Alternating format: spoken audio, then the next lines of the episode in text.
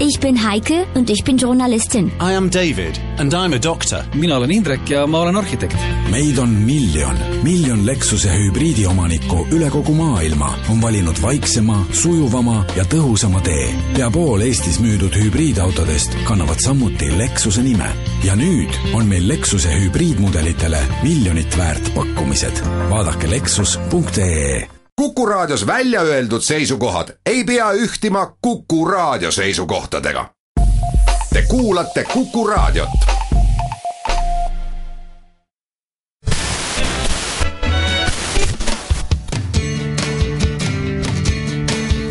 Radio Talsinki. Radio Talsinki ja unikaalsed Eesti lood toob teieni Solosokos Hotel Estoria. Radio Talsinki Tervetuloa jälleen Radio Talsekin ohjelman pari Mannermaa Vilman kanssa. Täällä jälleen ollaan. Vilma, käväisit sitten taas Suomessa. Joo, tuli viime viikonloppu oltua, oltua tuossa Suom- Suomessa, niin en ihan päässyt lähetykseen, mutta tosiaan täällä, täällä taas ja mukava tehdä taas radiota. Oot tehnyt kaikenlaista musavideota ja muuta siellä. Joo, tai no, täällä Tallinnan, Tallinnan päässä ollaan tehty ihan musiikkivideota tota, tässä viime, viime viikolla ja sen takia vähän kiireistä on ollut, mutta taas lähtee vähän kouluprojekti sitten käyntiin enemmänkin. Just, just. No se on ihan hyvä juttu. Sitten sinun näkemyksestä tästä Kersti Kaljulaitin äh, vierailusta. Joo, tosiaan Viron uusi presidentti kävi tuossa torstaina. Torstaina kävi Suomessa ja tapasi siellä meidän oman presidentin sitten niin, Niinistön siellä ja ainakin median perusteella niin ihan hyvin, hyvin tulivat toimeen, että niin kuin kovasti olivat kiitelleet toisiaan siitä, että miten hyvin yhteistyö toimii. Kuuluuko mitään tota kadulta kansan, kansan tota kommentteja tai kavereiden kon, kommentteja Suomen puolelta, että oliko mitään puhetta, että minkälainen tämä uusi presidentti on? No Suomesta ei kyllä ole hirveästi kuulunut, että musta tuntuu, että siellä vähän, vähän valitettavasti on niin, että kovin monet ei sitten Viron politiikkaa ihan hirveästi seuraa, mutta ilmeisesti mitä, mitä täällä Virossa on jutellut ihmisten kanssa, niin ovat olleet kyllä ihan silleen tyytyväisiä.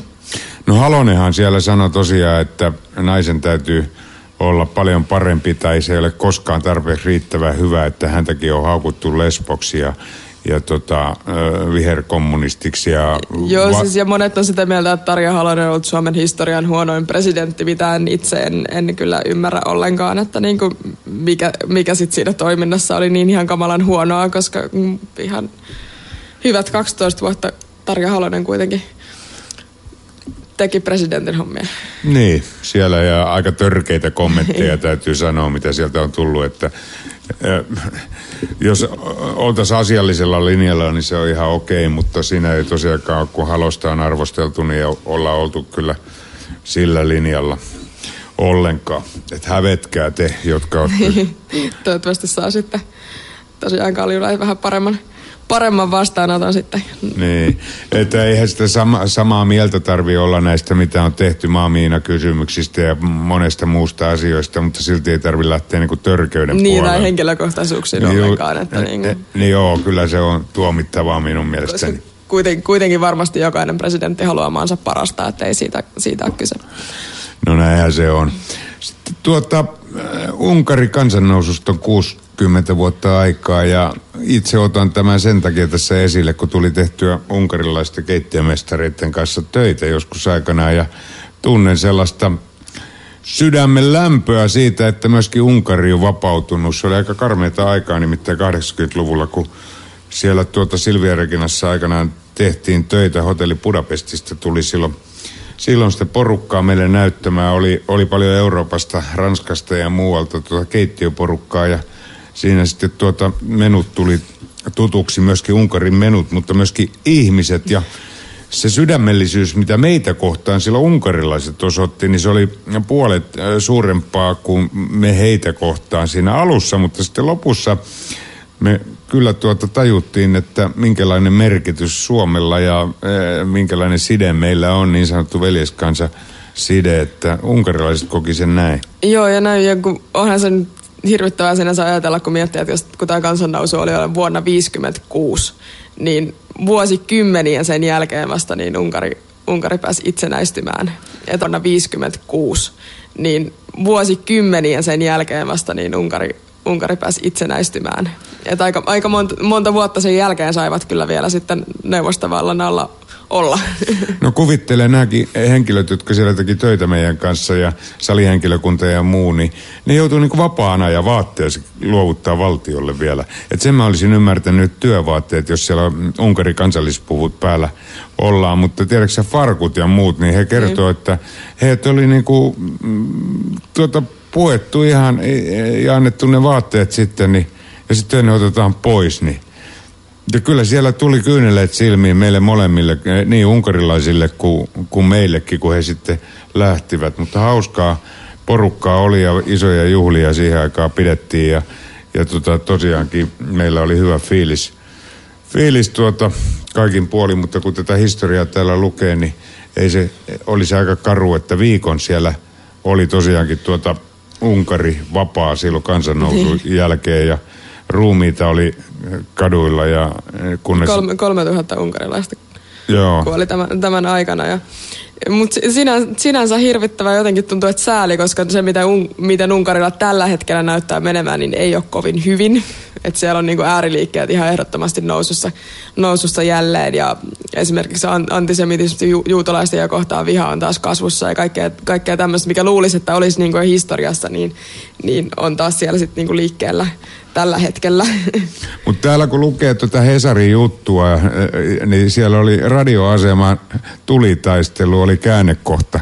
Eli radio oli kyllä siellä vahvasti mukana, että mistä siellä taisteltiin ja tiedon välityksestä silloin kansakeskuudessa. Niin ja niinhän se oli silloin Vironkin itsenäistymisen aikaa, että nimenomaan radio, radiotalo suojeltiin ihan ase, aseen siltä varalta, että jos tulisi tulis tota sitten neuvostosotilaat mutta eivät, eivät sitten missään vaiheessa loppujen lopuksi tulleet, mutta se oli niinku se, että kaikista tärkeintä, että saatiin pidettyä nimenomaan radio, radio sitten ja kansalla.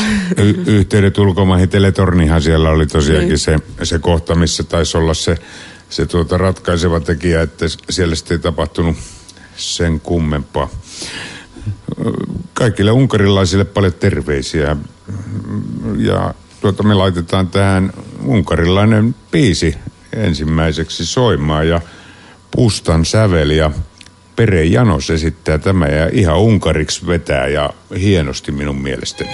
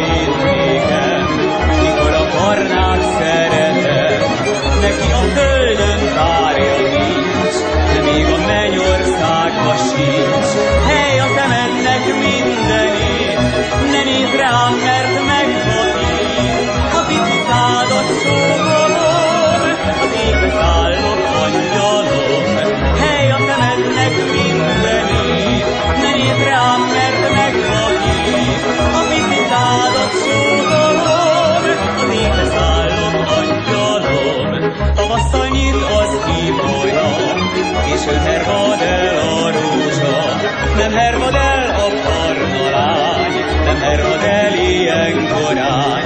Nem mondják, hogy a szőke szép, tagadom én azt mindenképp, mert a barnának párja nincs, de még a mennyországba sincs. Nem mondják, hogy a szőke szép, tagadom én azt mindenképp, mert a barnának párja nincs, de még a mennyországba vanhaan poppiin aletaan sitten pikkuhiljaa kyllästymään ja hänen tuota piilotteluinsa, piilotteluihinsa. Ootko huomannut? Joo, ilme, ilmeisesti on ollut tämmöinen ongelma Ruotsin Nobel-komitealla, että ei ole saanut Bob Dylania kiinni. Menivät hänelle palki, palkinnon myöntämään ja ei ole saatu koko tyyppiä kiinni sitten sen jälkeen ollenkaan. Niin, siinä alkaa jo kaikki muutkin olemaan sitä mieltä, että Bob Dylan on epäkohtelias ja ja itseään täynnä oleva idiootti.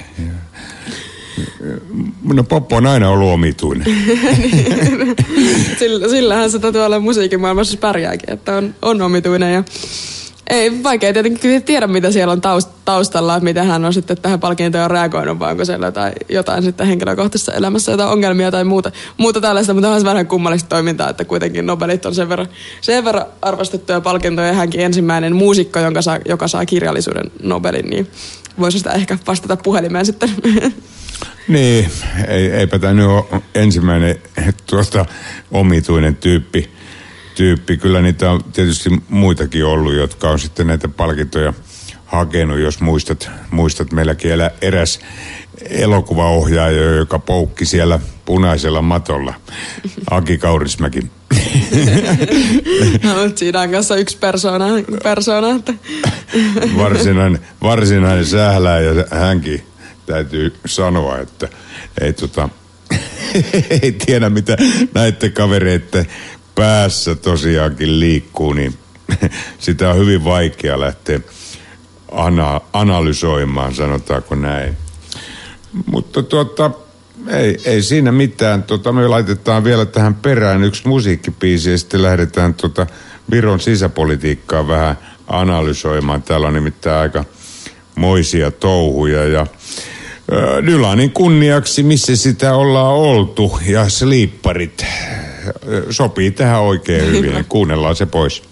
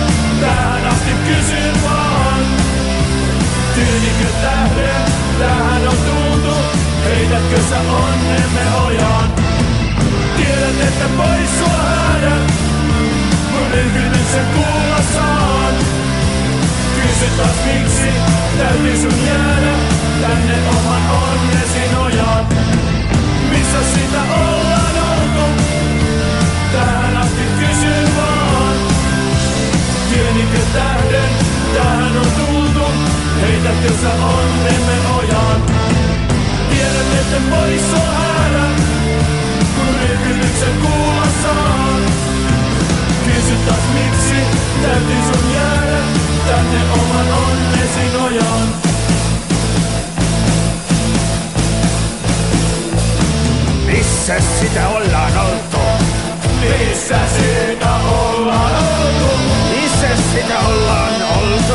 Missä sitä ollaan oltu? Missä sitä ollaan oltu? Missä sitä ollaan oltu? Missä sitä ollaan oltu? Missä sitä ollaan oltu? Missä sitä ollaan oltu? Missä sitä ollaan oltu? Missä sitä ollaan oltu? Missä sitä ollaan oltu? Missä sitä ollaan oltu?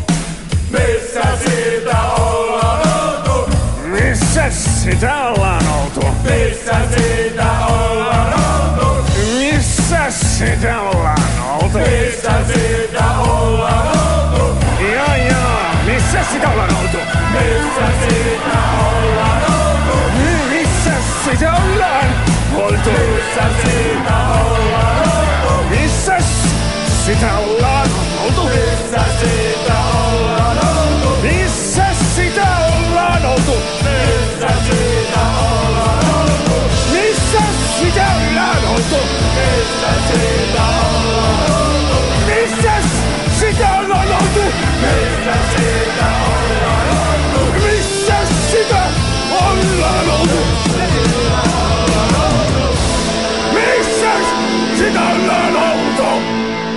Pidetään pieni tauko tässä välissä ja palataan sitten jälleen Radio Talsikin ohjelman pariin.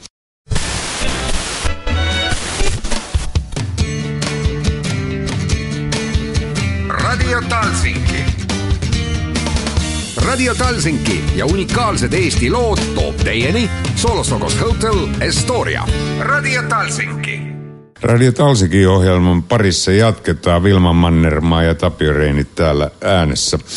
Sitten lähdetään tarkistelemaan tosiaankin hieman tuota Viron sisäpolitiikkaa. Täällä nimittäin viides päivä sitten valitaan tosiaankin Viron keskustapuolueelle uusi puheenjohtaja tai sitten vanha jatkaa tai sitten tulee vielä jotakin yllätyksiä. Täällä on Jaana Toom, joka on myöskin europarlamentaarikko, niin sitten osallistunut peliin mukaan ja tämä on kyllä todella mielenkiintoinen yhtälö, että miten tässä sitten käy, että saako venäläiset oman puolueensa tänne, tänne tuota syntyykö kaksi puoluetta tästä keskustapuolueesta. Jaana Tom, hän on venäjänkielinen poliitikko ja hän sai 18 000 ääntä viime vaaleissa ja sitten Edgar Savisaar, joka on samalla puolella aitaa Jaana Toomin kanssa sai 40 000 ääntä, eli että 58 000 ääntä olisi siinä niin kuin edellisistä vaaleista tulossa sieltä Lasnamäen suunnalta nyt tällä hetkellä. Ja sitten on toinen puoli täällä tämä Simpsonin puoli, joka, joka sitten on Jyri Rattaan takana ja, ja tuota, Miley Reps on myöskin siellä. Ja, ja tuota, täällä nyt puhutaan siitä, että jos Jaana Toom valittaisiin keskustan puheenjohtajaksi, niin sitten Edgar Savisar lätkästäisi tuota Brysseliin. Ja sitten Edgar lentelisi tuossa oikeudenkäyntien välissä aina sinne Brysseliin ja tulisi, tulisi sieltä sitten ta- takaisin. Täällä on Vikker radiossa äh, keskusteltu tästä asiasta ja tästä luin.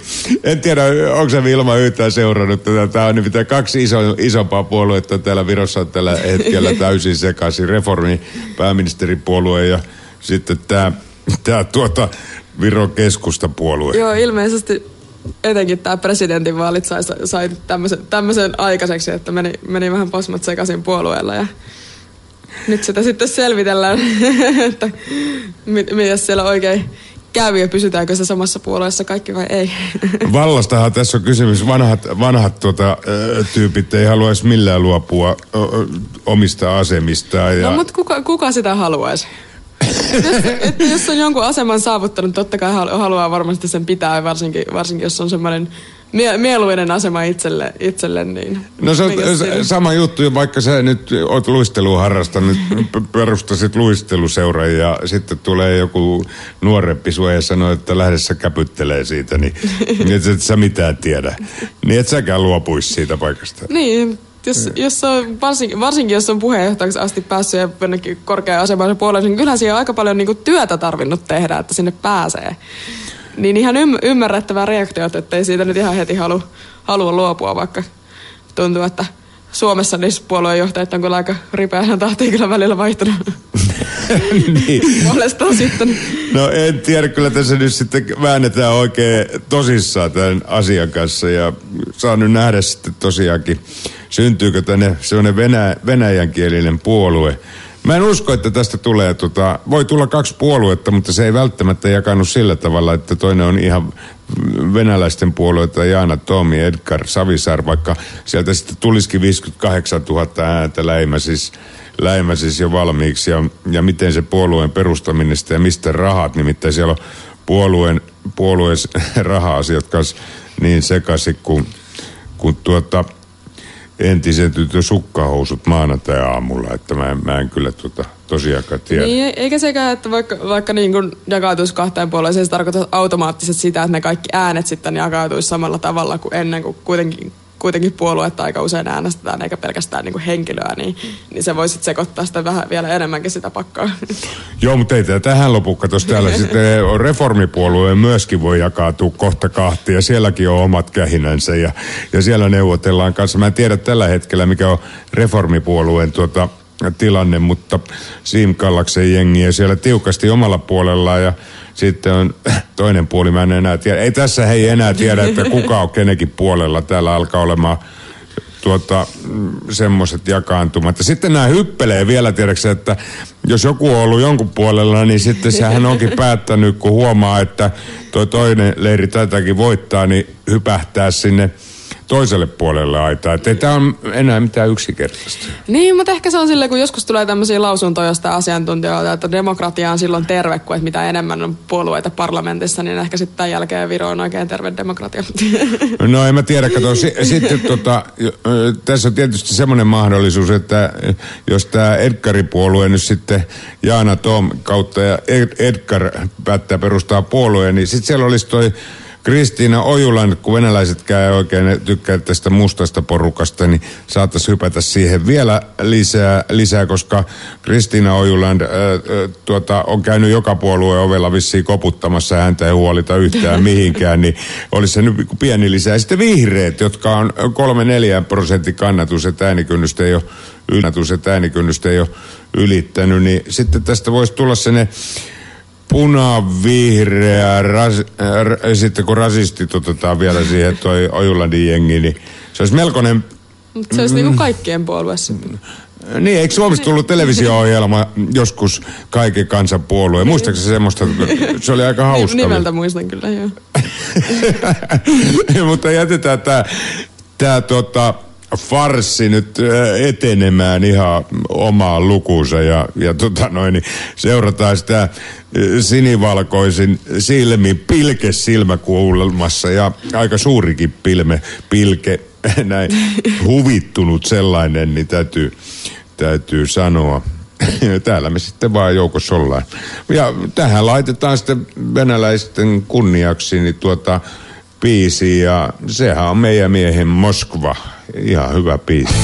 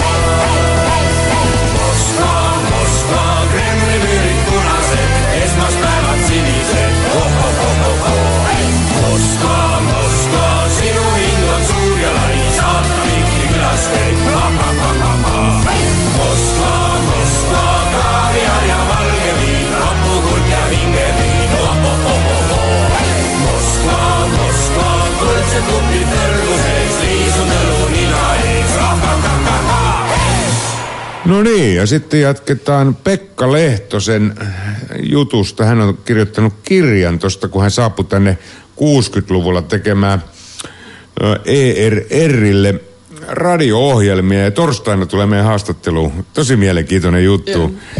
Et minkälaiset oli sitten fiilikset ja minä olen vähän ollut sitä mieltä, vaikka tietysti kiistetään tätä asiaa, kun jokainen, joka siellä nyt sitten toimituksessa on silloin ollut, niin kiistää tämän, tämän ilman muuta, että minä en kommunisti ollut, minä vain tein töitäni, enkä missään nimessä kuulunut puolueeseen, enkä kuulunut mihinkään tällaisiin juttuihin, että en usko vieläkään sitä, vaikka kuinka väittäisivät ja kirjoittaneet kirjoja ja kaiken näköistä muuta, että jollakin tavalla ei olisi ollut yhteyksiä tuonne vähän isommalle pääkallopaikalle, jotka valittiin sinne tiedäks Neuvostoliiton aikana suomenkielistä ohjelmaa tekemään. Hyvin koulutettuja ihmisiä teki hyviä ohjelmia, mutta ei sinne nyt ihan... Niin ket... pitää siinä nyt varmasti niinku jonkinlainen yhteys olla. Et ei nyt välttämättä nyt ihan niinku puolueen jäsen tai mitään, mutta niinku pitää olla kuitenkin hyvät yhteydet, että sinne ylipäätään on päässyt. Niin, mä, mä en usko Niin. sitä. Ja tota, mä olen keskustellutkin, Kuller Raki kanssa keskusteli sitä ja, ja Kuller sanoi mulle, että ainoat kommunistit, kun hän näki, oli suomalaiset Suomen puolella. Ja Olihan siellä niitä taistolaisia ja Niin. SKDL ja SKP ja miten ne sitten jakaantui ja ihan tiukkoja kavereita, jotka on vissiin olivat kuolemansa asti ihan puhtaita kommunisteja No niin. kun olivat kerran sen linjan va- vaatineet tai valinneet. Näin se oli, mutta mi- siis olen niin pässi, että minä en usko sitä, että sinne olisi jo päässyt vaan toimituksellisin avuin, siis sillä tavalla, että olisi ollut hyvä toimittaja. Ja sitten katselin siellä, niin siellä aika tarkkaan katsottiin myöskin, mitä sitä lähetettiin. No ihan varmasti. Ei, ei varmastikaan. Täällä on ihan, ihan mitä tahansa sano, radio- radiossa silloin sanoa, että Kuule, ei ne istunut Vilma sillä tavalla sinne pöydän viereen, kun me nyt. Ja siksi on Pekka Lehtonen, joka on kirjoittanut tästä kirjan ja sitten pitää siellä myöskin minun mielestäni perjantaina taisi olla tämä, tämä tuota, julkistamistilaisuus tuolla Viru hotellissa. Voisin katsoa, katsoa tästä. No, se löytyy meidän Facebook-sivulta, että käy, käykää sss-radio.ee, niin sieltä löytyy tosiaan tuosta tuon Pekan osalta nämä tiedot, koska hän tämän kirjan julistamistilan tilaisuuden, julkistamistilaisuuden pitää ja sitten torstaina hän on jo meidän haastattelussamme, että, että tämmöinen juttu. Ja sitten me jatketaan. Ja nyt tuota, puhutaan hieman tällaisesta asiasta vielä, kun tämä Thomas Henrik Ilveksen talosta tuolla on hieman keskusteltu tässä maassa ja ootko huomannut? joo, kyllä on tämmöistä puhetta ollut, että millä rahoilla se on oikein maksettu se talo. Joo, ja tota, tästä turistitalosta, mutta joka piti olla siis turismitalo, mutta se ei sitten ollutkaan. Niin nyt katsoin, katso semmoisen ohjelman kuin Kolm Rautne, ja siinä oli Sim Rai, joka on ollut tuota presidenttikanslian äh, johdossa silloin. Ja Martin Helme oli siellä sitten huutamassa vastassa, ja ja, ja tota, huusivat siellä kyllä niin kuin naama punaisena molemmat, että kuka tässä on väärin tehnyt ja kuka oikein. Ja Martin Helme sanoi, mm, käytti sanaa varastaminen ja kaikkea muuta tässä. Ja, ja sitten tämä Sim Rai siellä sitten perusteli, minkä hiukakin pystyi, miksi näin on sitten tehty. Ja, ja tätä tehty ja tuota tehty. Mutta sitten Indrek Tarant, joka on, no, on suhmuroimassa vähän joka asiassa. Tietysti kun paikka on, niin silloin Indrek saapuu paikalle ja, ja tuota, esittää näkemyksensä asioista, niin sanoi, että kuri puuttu tältä kansliasta. Ja mä en usko, että presidentti Thomas Henrik Ilves edes tajus, mitä siellä tapahtuu. Niin. Että tässä nyt vedetään, vedetään tota Thomas Henrikiltä näiden virkamiesten osalta jalkojen alta mattoa jal- pois. Pitää olla oikeudenmukainen. Mä, on, mä nimittäin uskon, että Ilves luotti siihen, että siellä on pätevät tyypit. Niin, eikä, eikä varmaan tommosia ihan, ihan kaikkiin asioihin ole kuitenkaan presidentillä aikaa niin puuttua ja paneutua, jos puhutaan jostain talon rakentamisesta tai tällaisesta, niin kuin, että kyllä varma, varmaan on ollut nimenomaan luotto siihen, että siellä on sellaisia työntekijöitä, jotka osaa hommansa hoitaa. Niin mä melkein uskon, että tämä Sim Rai olisi enemmänkin se, jota kannattaa tässä syyttää enemmän. Thomas Henrik uskoi omaan siihen, siihen jengiinsä, joka siellä piti kanseliassa hoitaa nämä jutut ja, ja nämä on sitten tuota sekoillut siellä – oikein tota olan takaa ja kyllä se taitaa niin olla, että Thomas Henrik vielä joutuu maksamaan sen kaikki takaisin, mitä sinne, sinne on laitettu. Ja minun mielestäni tämä Sim Rai saisi maksaa siitä vähintään puolet, koska hän, hän on tehnyt niin, niin tuota huonoa tie, työtä ja ja Indektorant sanoi tosiaankin, että kuri puuttui, että siellä oli tämä Masson tapaus myöskin kuullut tähän samaan sarjaan, jossa, jossa Iiviana Masso sanoi sitten Vuorisesta, että tai ehdotti, että hänelle annettaisiin haastatteluja ja siitä hän nousi sitten karmeen, niin. muist, jos muistatte. Joo, et, et kyllä siellä on huo, erittäin huonosti hoidettu tätä kansliapuolta, näin, näin me voida olla. Ja yksi asia, joka mä uskoisin, että vaikutti tähän myöskin, koska presidentti Thomas Henrikillä oli siihen aikaan no, naisasiat aika, aika tuota pinnalla – ja hän heilu kahden, tai oikeastaan tota, toisen naisen ö, tiimoilta tuolla, tuolla sitten, missä heiluki ja sekoitti hänen päätään vielä enemmän tässä, tässä asiassa. Ja naiset siis sekoittanut Thomas Henrik Ilveksen pää ja hän ei pystynyt keskittymään tähän Ärmätalon projektiin ehkä. Ei se nyt ensimmäinen mies ole, joka niin kuin naiset on, naiset on sekoittanut pää. Et minä annan hiukan tuota siimaa Thomas Henrikille tämän takia, että terveisiä vaan Thomas Henrik. Se ei se sun syys ollut. Olit eh- on ihan kokonaan. Niin, olit ehkä rakastunut ja siksi me laitellaankin Kuju naiset nuo. Piisi tähän perään sopii oikein hyvin.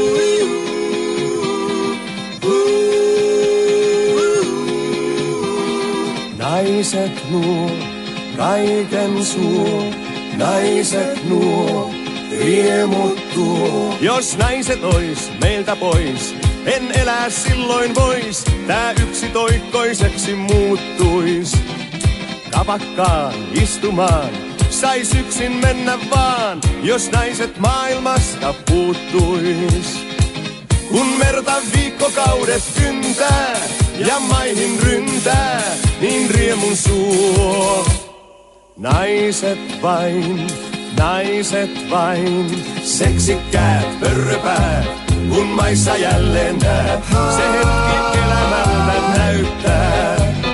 Sampanja kuohuvaa, saat naista tanssittaa, niin mielen suuri riemu täyttää.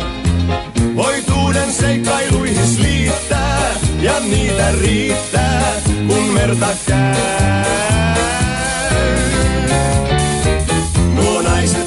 kadun ja tähdet kabaree. Tytöt kuin iltasadun naiset tuo. Nuo keisat idän ja Lontoon kuveilee. Mä siitä pidän niin. Kun taas mainosvalot kohtaa, niin riemun kohtaa sen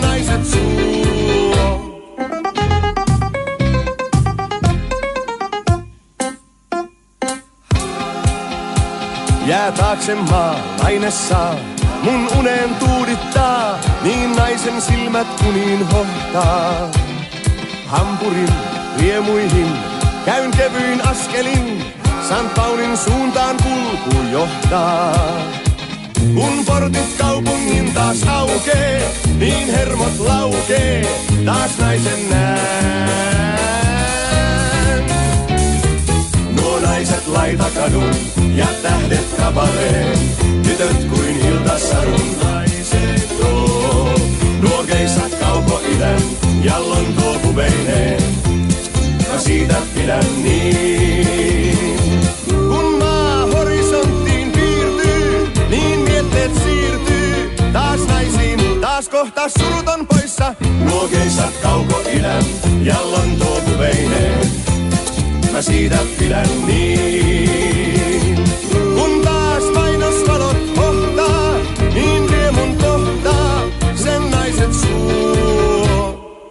Naiset luo, kaiken suo, naiset riemuttuu.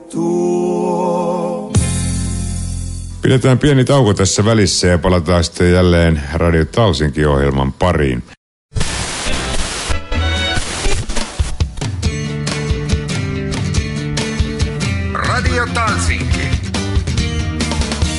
Radio Talsinki ja unikaalsed Eesti lood toob teieni Solosokos Hotel Estoria. Radio Talsinki. Radio Talsinki-ohjelman parissa jatketaan ja studiossa on Vilma Mannermaa ja Tapio Reini.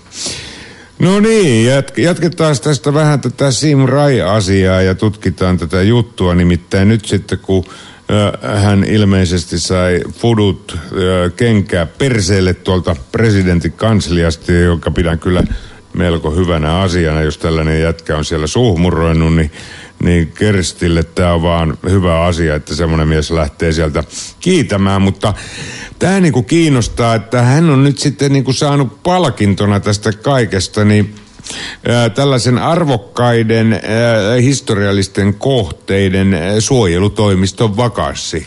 Ja tämä jos jotakin niin kuin on sellaista, joka Suomessakin, että kun poliitikolla menee oikein tai tällaiselle virkamiehelle huonosti, niin, niin se kiskastaa johonkin tämmöiseen. Eikö tämä aika tyypillinen? Niin se on hyvin tyypillistä. Tämä on niin kuin säilössä. Jos, jossain, jossain duunissa, kun menee huonosti, niin sille etetään vasta jostain niin kuin joku tämmöinen paikka, mihin sen voi sitten laittaa, että ei kuitenkaan ihan työttö, työttömäksi jää. Ja, niin kuin ikään kuin vältytään vähän isommilta skandaaleilta. Et voidaan vaan sanoa, että hän siirtyi jonnekin muualle töihin sitten. Niin hyvä esimerkki on, kato tämä jätkä, joka nyt hävisi ihan kokonaan kuvioista, tämä Ruotsin Suomen lähettiläs, niin siitä, se on jossain takahuoneessa liimailemassa tällä hetkellä Niin. postimerkkejä tai... Mutta hänelläkin on joku hieno vakanssi kyllä, joku asiantuntija vakanssi. Niin ja varmaan kyllä joku hieno, hieno tämmöinen vähintään se nimike sillä työllä varmasti löytyy. Mutta palkka laski vissiin johonkin seitsemään tuhanteen. Ja siellä se taitaa olla tuota Suomen valtion kallein postimerkkien liimailija tällä hetkellä asian. Ja hienolla diplomilla. Tää, tää tuli. Tää nimittäin tää Sim Rai, niin hän tota noin, äh, talentit koju tota noin, niin, o, ohjelmaa siellä veti ja, ja siihen tuota tuota, laitettiin sitten 120 000 Euroopan sosiaalifondin raha, rahoja.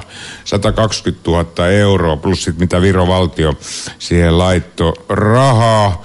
Ja tämä oli ilmeisesti presidentti Ilveksen ideoima jossakin mielessä ainakin näin, näin tuota olen käsittänyt. Ja tiedätkö montako ihmistä tuolla rahalla sitten saatiin näitä tänne takaisin. Mitä täällä nyt ollaan jo, tietoja saatu lehtien palstoilta ja muualta.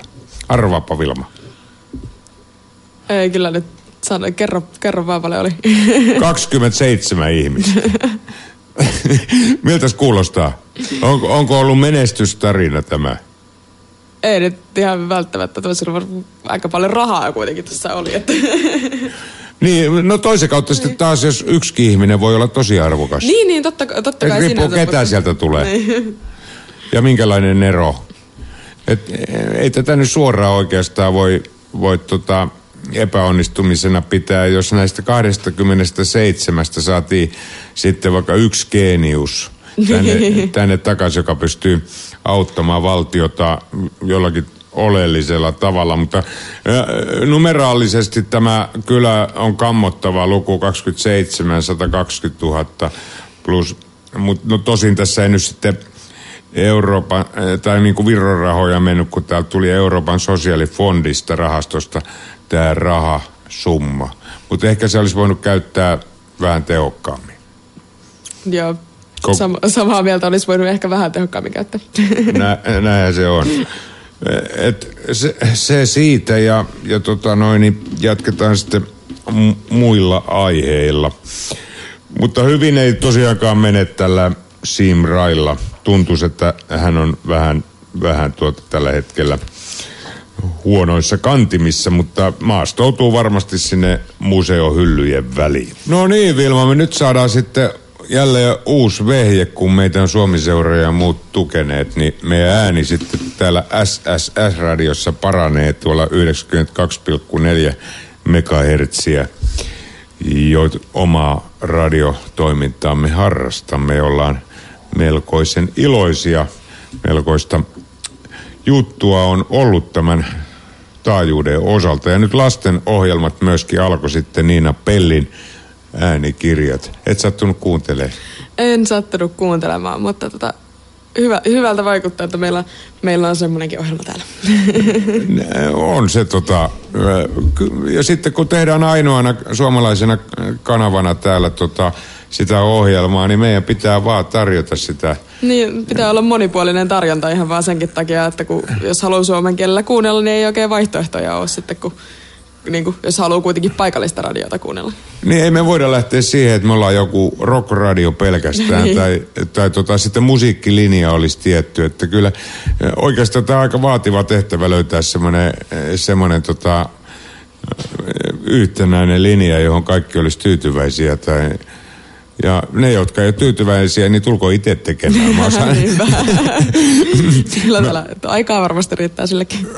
Niin on, että ei ole meistä kiinni, että se aina jos valittaa, niin sen kun tulee studioon ja näyttää kykynsä, että näin, näinhän se to, tosiaankin on. No, joko sä oot alkanut joululahjoja ostamaan, Vilma? Siis mä, siis, mä sinänsä ihan pidän joulusta silloin kun on joulu. Mutta mä olin Suomessa kun kävin, olin ihan kauhistunut siis lokakuun niin alussa. Sinne on tullut jo kaikki joulutavarat myyntiin. Mikä on mun mielestä, niin kuin, että ennen ne tuli aina niin kuin joskus aikoinaan aikoinaan ne tuli aina joulukuun alussa ja sitten ne tuli marraskuun alussa, niin nyt tuli jo lokakuun alussa. Niin mun mielestä on ihan käsittämätöntä, että tässä on nyt kuitenkin kaksi kuukautta Koska se, jouluun. niin koska se joulu katu aukastaa siellä? No se on, Onko siellä jo valot? ei ole vielä valoja, mutta kaik, kaikkea tällaista joulukrääsää ja suklaata ja kaikkea muut tämmöistä kyllä löytyy kaupoista. Porot on jo ikkunoissa ja semmoinen, joka keikuttaa päätänsä. Stockmanissa ainakin oli aina semmoinen, tota, onko siinä sitten joku paljastamistila? se, se ei varmaan ole ihan vielä, vielä aukastu, mutta, mutta muuten, muuten kyllä kovasti yritetään saada tätä ainakin suomalaisia jo sitten joulufiiliksiin. Täällä Virossa ei ole kyllä ihan sillä samalla lailla näkynyt. Mutta on se tota, ihan liian aikaista. Tosiaankin, tota, kun aletaan lokakuun alussa. Mutta toiset valmistautuu heti joulun jälkeen, alkaa valmistautua siihen joulun niin, tai viimeistään sitten kesä rupeaa miettimään kaikkia lahjoja ja kaikkia tällaisia. Et Itse, itse en ihan semmoinen, että kyllä sitten, niinku sitten jouluku, joulukuussa siihen voi valmistautua sitten ja ostaa lahjoja ja muuta, muuta tämmöistä, mutta, mutta niinku jotenkin tämmöinen lokakuu tai marraskuukin niin tuntuu vähän jo liian niinku aikaiselta, aikaiselta siihen, että joulu on kuitenkin sen verran pitkä, pitkä aika vielä, että tuntuu jotenkin oudolta, että pitäisi olla niinku kaksi kuukautta sellaisessa kunnon joulufiiliksissä, niin kuin, että jes kohtaan joulu. Sen mä muistan, meidän kotona oli tota se joulukuusi, kun se koristeltiin, niin me- meillä kun oli ää, viisi muksua ja sitten tuota, äiti ja isä tietysti oli kauan keskenään naimisissa, niin niitä joulukoristeita oli ihan on ihan pirusti, että se niinku notku, että sitä ku- kuusta ei oikein edes näkynyt sieltä, sieltä alta. Ja mä muistan sitten, kun meille tuli mummu siskot ja muut, niin sanoi, että ei, ei joulukuusen pidä olla ton näköinen. Eikä hirvittävä arvostelu sitä, sitä joulukuusta kohtaan. Joka joulu sama juttu, mutta sitten joulutähti oli semmoinen niinku tosi ohkane, ohkaiseksi mennyt, että se oli ihan niinku surkeen näköinen se, se meidän joulukuusen tähti. Mutta joo, joulu ei ihan vielä ole, mutta kuulemma tuossa viikon alussa niin pitäisi kuitenkin ilmeisesti Etelä-Suomeen vähintäänkin sataa lunta, että saa nähdä riittääkö tänne Viroon asti sitten, tuleeko räntäsateet tästä ensimmäisenä. Olisi kiva, kun tulisi semmoinen kevyt lumi eikä mitään räntäsateita. Niin. Ja semmoisen, semmoisen niin kuin tiedätkö, yhden, kahden asteen pakkane, että se pysyisi sitten se lumi siellä, siellä maassa. Ja, tota, e- ja sitten se pimeä vuoden aika. Niin. Ei sitä tarvitsisi tulla koko talvena kuin viisi senttiä. Sillä, että maa olisi valkoinen eikä tarvitsisi lumitöitä tehdä, niin mä olisin ihan tyytyväinen siihen juttuun. Joo, tosiaan ton räntäsadekohdan voisi jättää ihan ko- kokonaan veke, koska se on kaikista ikävintä, kun sataa räntää ja on vähän kylmä ja pimeätä. Joo, se ei, se ei ole yhtään kiva, mutta vielä ei ole tullut mitään räntää. Ei vielä, mutta katsotaan, katsotaan tuleeko tämän viikon aikana. Aika vähän on tullut vettäkin, täytyy sanoa. Että ei ollut mitään hirvittäviä vesisateita. Joo, ei tässä tota, sen enempää. Ää, Me laitetaan meidän viimeiseksi piisiksemme tuon Jarkko ja Lauran käymme yhdessä aina, koska olemme täällä ää, virolaisten tuota, kanssa yhdessä. Ja se, se, seuraamme myöskin näitä poliittisia käänteitä ja mm, muita yhdessä porukassa, niin oikein hyvä biisi tähän ja sopii tuota me, meidän lähetykseemme. Jarkko ja Laura käymme yhdessä aina.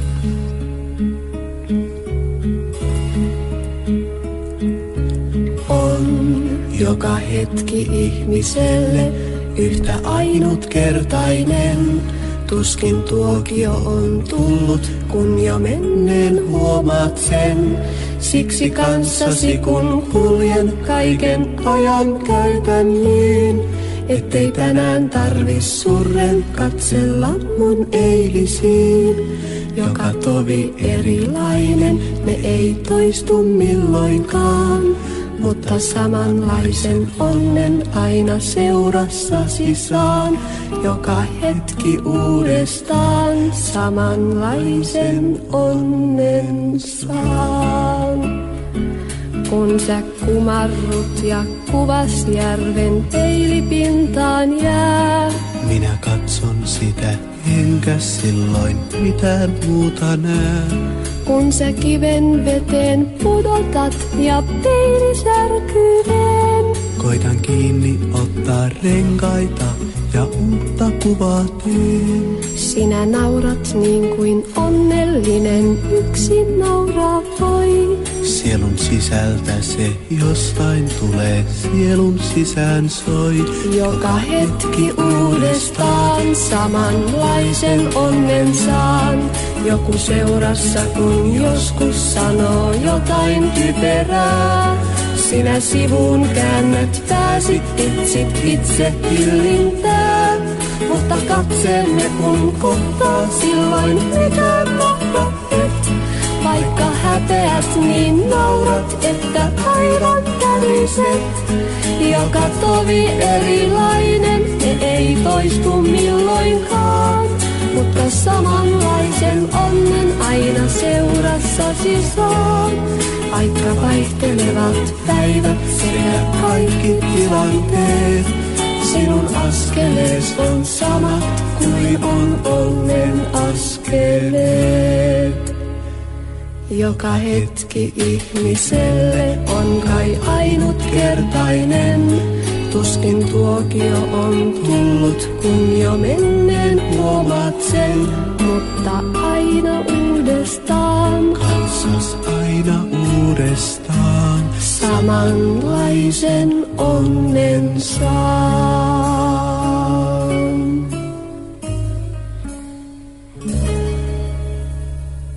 Sitten on tämäkin ohjelma taas tehty ja Mannermaan Vilman kanssa täällä näitä asioita sitten luonnehdittiin. Ja olkaa taas ensi viikolla kuulolla omasta puolestani iloisin kuulemiin ja näkemiin. Joo, ensi viikko. Moi moi!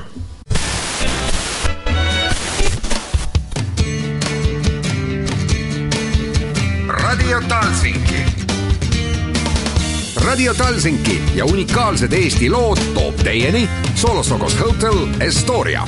Radio Talsinki